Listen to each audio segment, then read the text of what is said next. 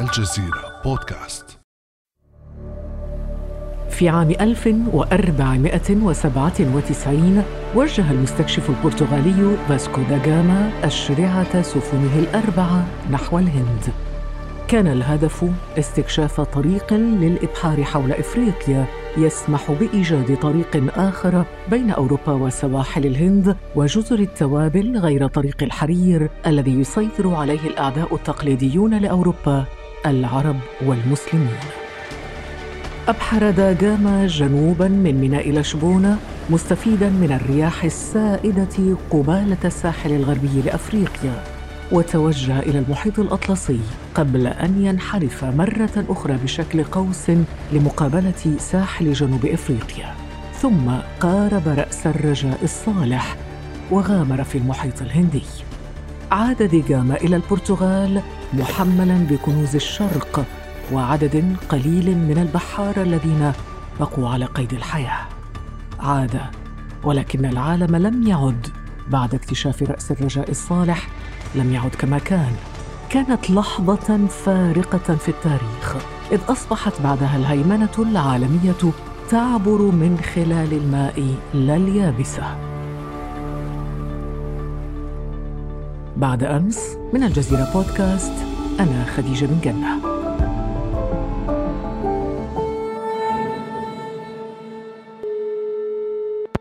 وهذه الحلقة هي الأولى من سلسلة تعنى بالمضائق البحرية.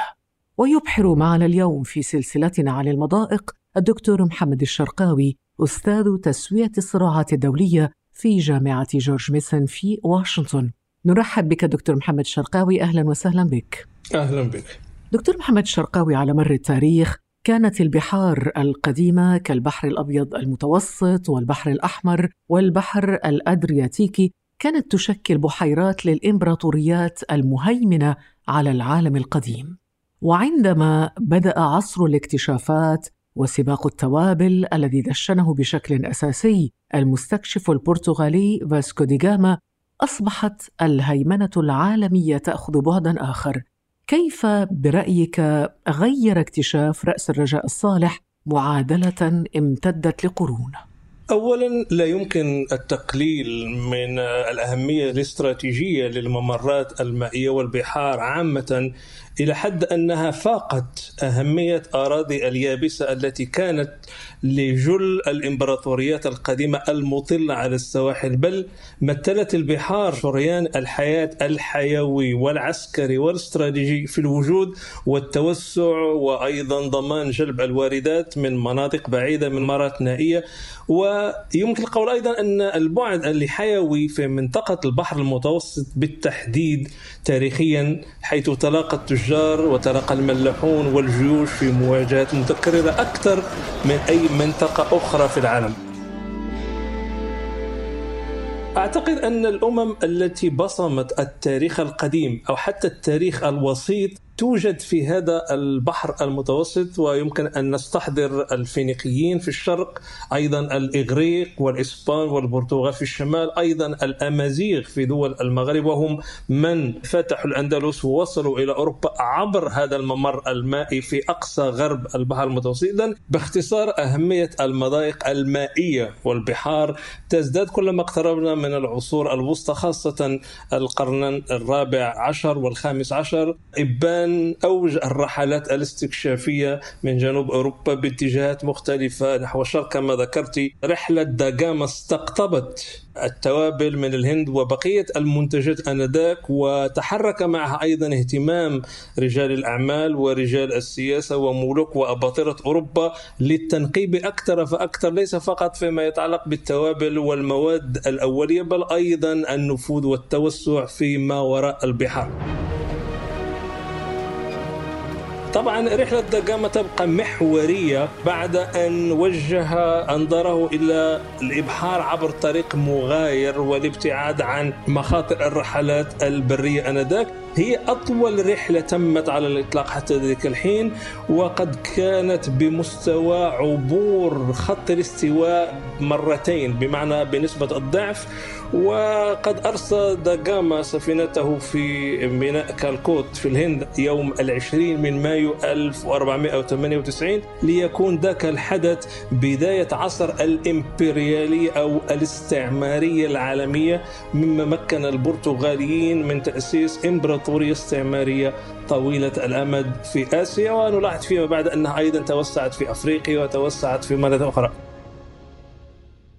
أهمية هذه البعثة البحرية هي أنها كانت بداية ازدهار طرق التوابل كما قلنا من الهند ثم الحصول على منتجات أخرى من دول جنوب آسيا خاصة مادة الفلفل القرفة وتوابل أخرى. وبالتالي استطاعت الإمبراطورية البرتغالية آنذاك أن تعزز مركزها الاقتصادي والتجاري إزاء بقية الدول الأوروبية وامتد نفوذها أيضا إلى مناطق في شمال أفريقيا. احتكرت البرتغال هذه التجارة لعقود طويلة إلى أن تتحرك العواصم الأوروبية أخرى خاصة هولندا وبريطانيا وأيضا في وقت لاحق فرنسا والدنمارك لتحدي هذا الاحتكار البرتغالي والتفوق البحري.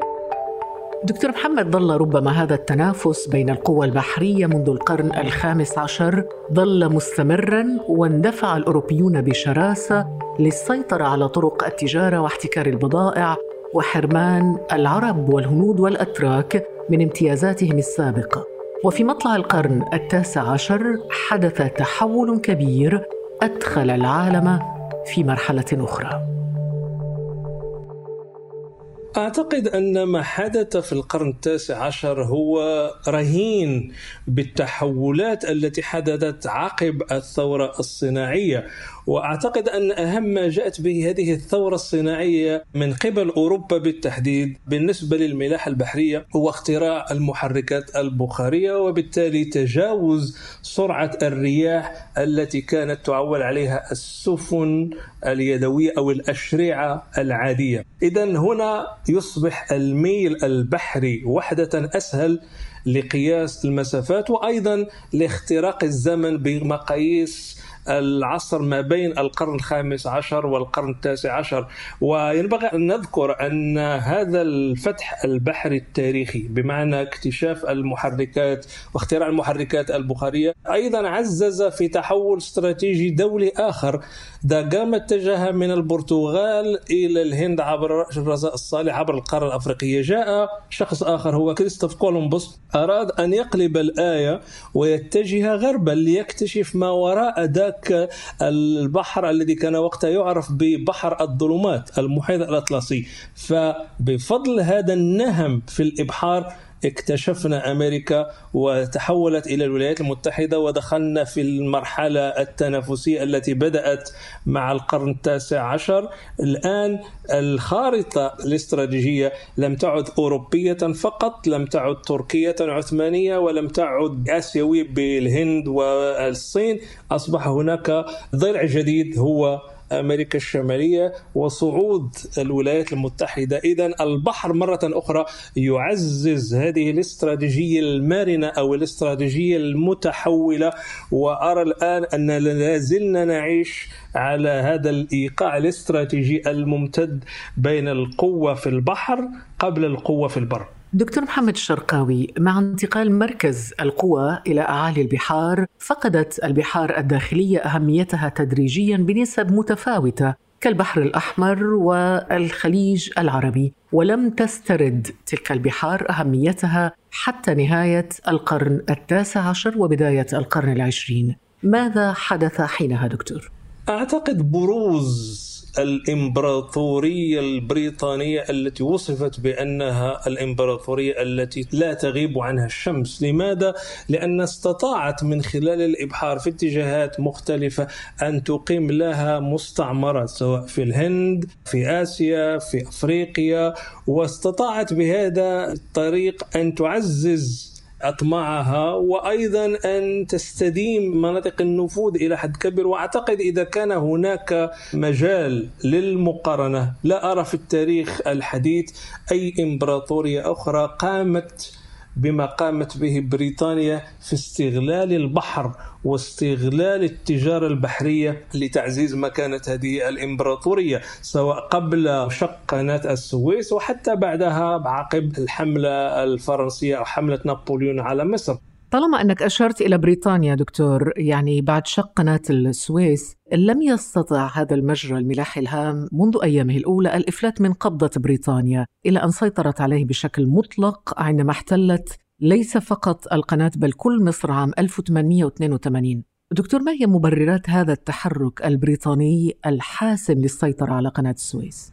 أعتقد قناة السويس حالة جيدة لتجسيد أغلبية أو أرجحية الدور البريطاني في السياسة الإقليمية في الشرق الأوسط مقابل الدور الفرنسي وإن كان نابليون هو أول من فكر في شق قناة السويس لكن المحاولات الأولى فشلت. وقناة السويس تبقى هي أضخم ممر مائي اصطناعي يبلغ طوله الآن 193 كيلومتر يربط بين بحرين مهمين. بحرين استراتيجيين البحر المتوسط والبحر الأحمر. أيضا بين ثلاث قارات أفريقيا وآسيا وأوروبا. ناهيك عن البواخر القادمة من أمريكا الشمالية عبر مضيق جبل طارق. إذا حيوية قناة السويس لا متناهية بل هي أيضا أسرع ممر بحري بين أوروبا وآسيا وتوفر نحو 15 يوم في المتوسط من طول الرحلة إذا تمت على طريقة داغاما عبر الرجاء الصالح. أعتقد أن قناة السويس تاريخيا تبقى هي الحلم غير المعلن لدى داغاما منذ القرن الخامس عشر وكما قلت انبثقت فكرة الحفر من خلال الفكر الاستعماري في نهاية القرن الثامن عشر عقب الحملة الفرنسية على مصر. ونامت الفكرة بين 1798 حتى 1854 عندما جاء شخص يدعى للديليسبس وأقنع محمد سعيد باشا حاكم مصر آنذاك بالمشروع ثم حصل على موافقة الباب العالي فقام بموجب ذلك بمنح الشركة الفرنسية برئاسة ديليسبس امتياز حفر وتشغيل القناة لمدة 99 عاما واستغرق بنا وكما نعلم تاريخيا مدة 10 سنوات بين 1859 و 1869 أهمية قناة السويس تبرز أكثر عندما نصل إلى منتصف القرن العشرين. هناك الحملة الثلاثية على مصر. هناك أيضا الحروب التي قامت حرب 67 وحرب 73 كانت مرتبطة إلى حد كبير ليس فقط بسياسات الدول الكبرى والصراع الفلسطيني العربي الإسرائيلي بقدر ما كانت أيضا هناك اعتبارات جيوستراتيجية لدى الدول العظمى للاستفادة أكثر من غيرها من هذا المعبر المائي والتحكم فيه وأيضا دحر كل الاستراتيجيات المتنافسة معها. حتى الآن ولا أعتقد الآن وإن ربما ابتعدنا عن الحروب التقليدية لكن دائما البعد الاستراتيجي الأساسي يبقى قائما لدى قناة السويس ربما أكثر من القنوات المائية الأخرى في العالم. نعم. استراتيجيا يعني جميل هذا التوضيح بالنسبة للأهمية الاستراتيجية لقناة السويس كونها تربط بين البحر الأبيض المتوسط والبحر الأحمر وكونها تربط قارات أيضا إفريقيا وآسيا وأوروبا. لكن أيضا اقتصاديا وتجاريا دكتور محمد ما هي الميزات التجارية والاقتصادية لهذه القناة؟ بالنسبة لمن يسيطر عليها؟ أعتقد بالنسبة لمصر طبعا هناك عائدات فاتورة العبور التي تفرضها على السفن الأجنبية العابرة سواء كانت أوروبية أو أمريكية أو أسيوية.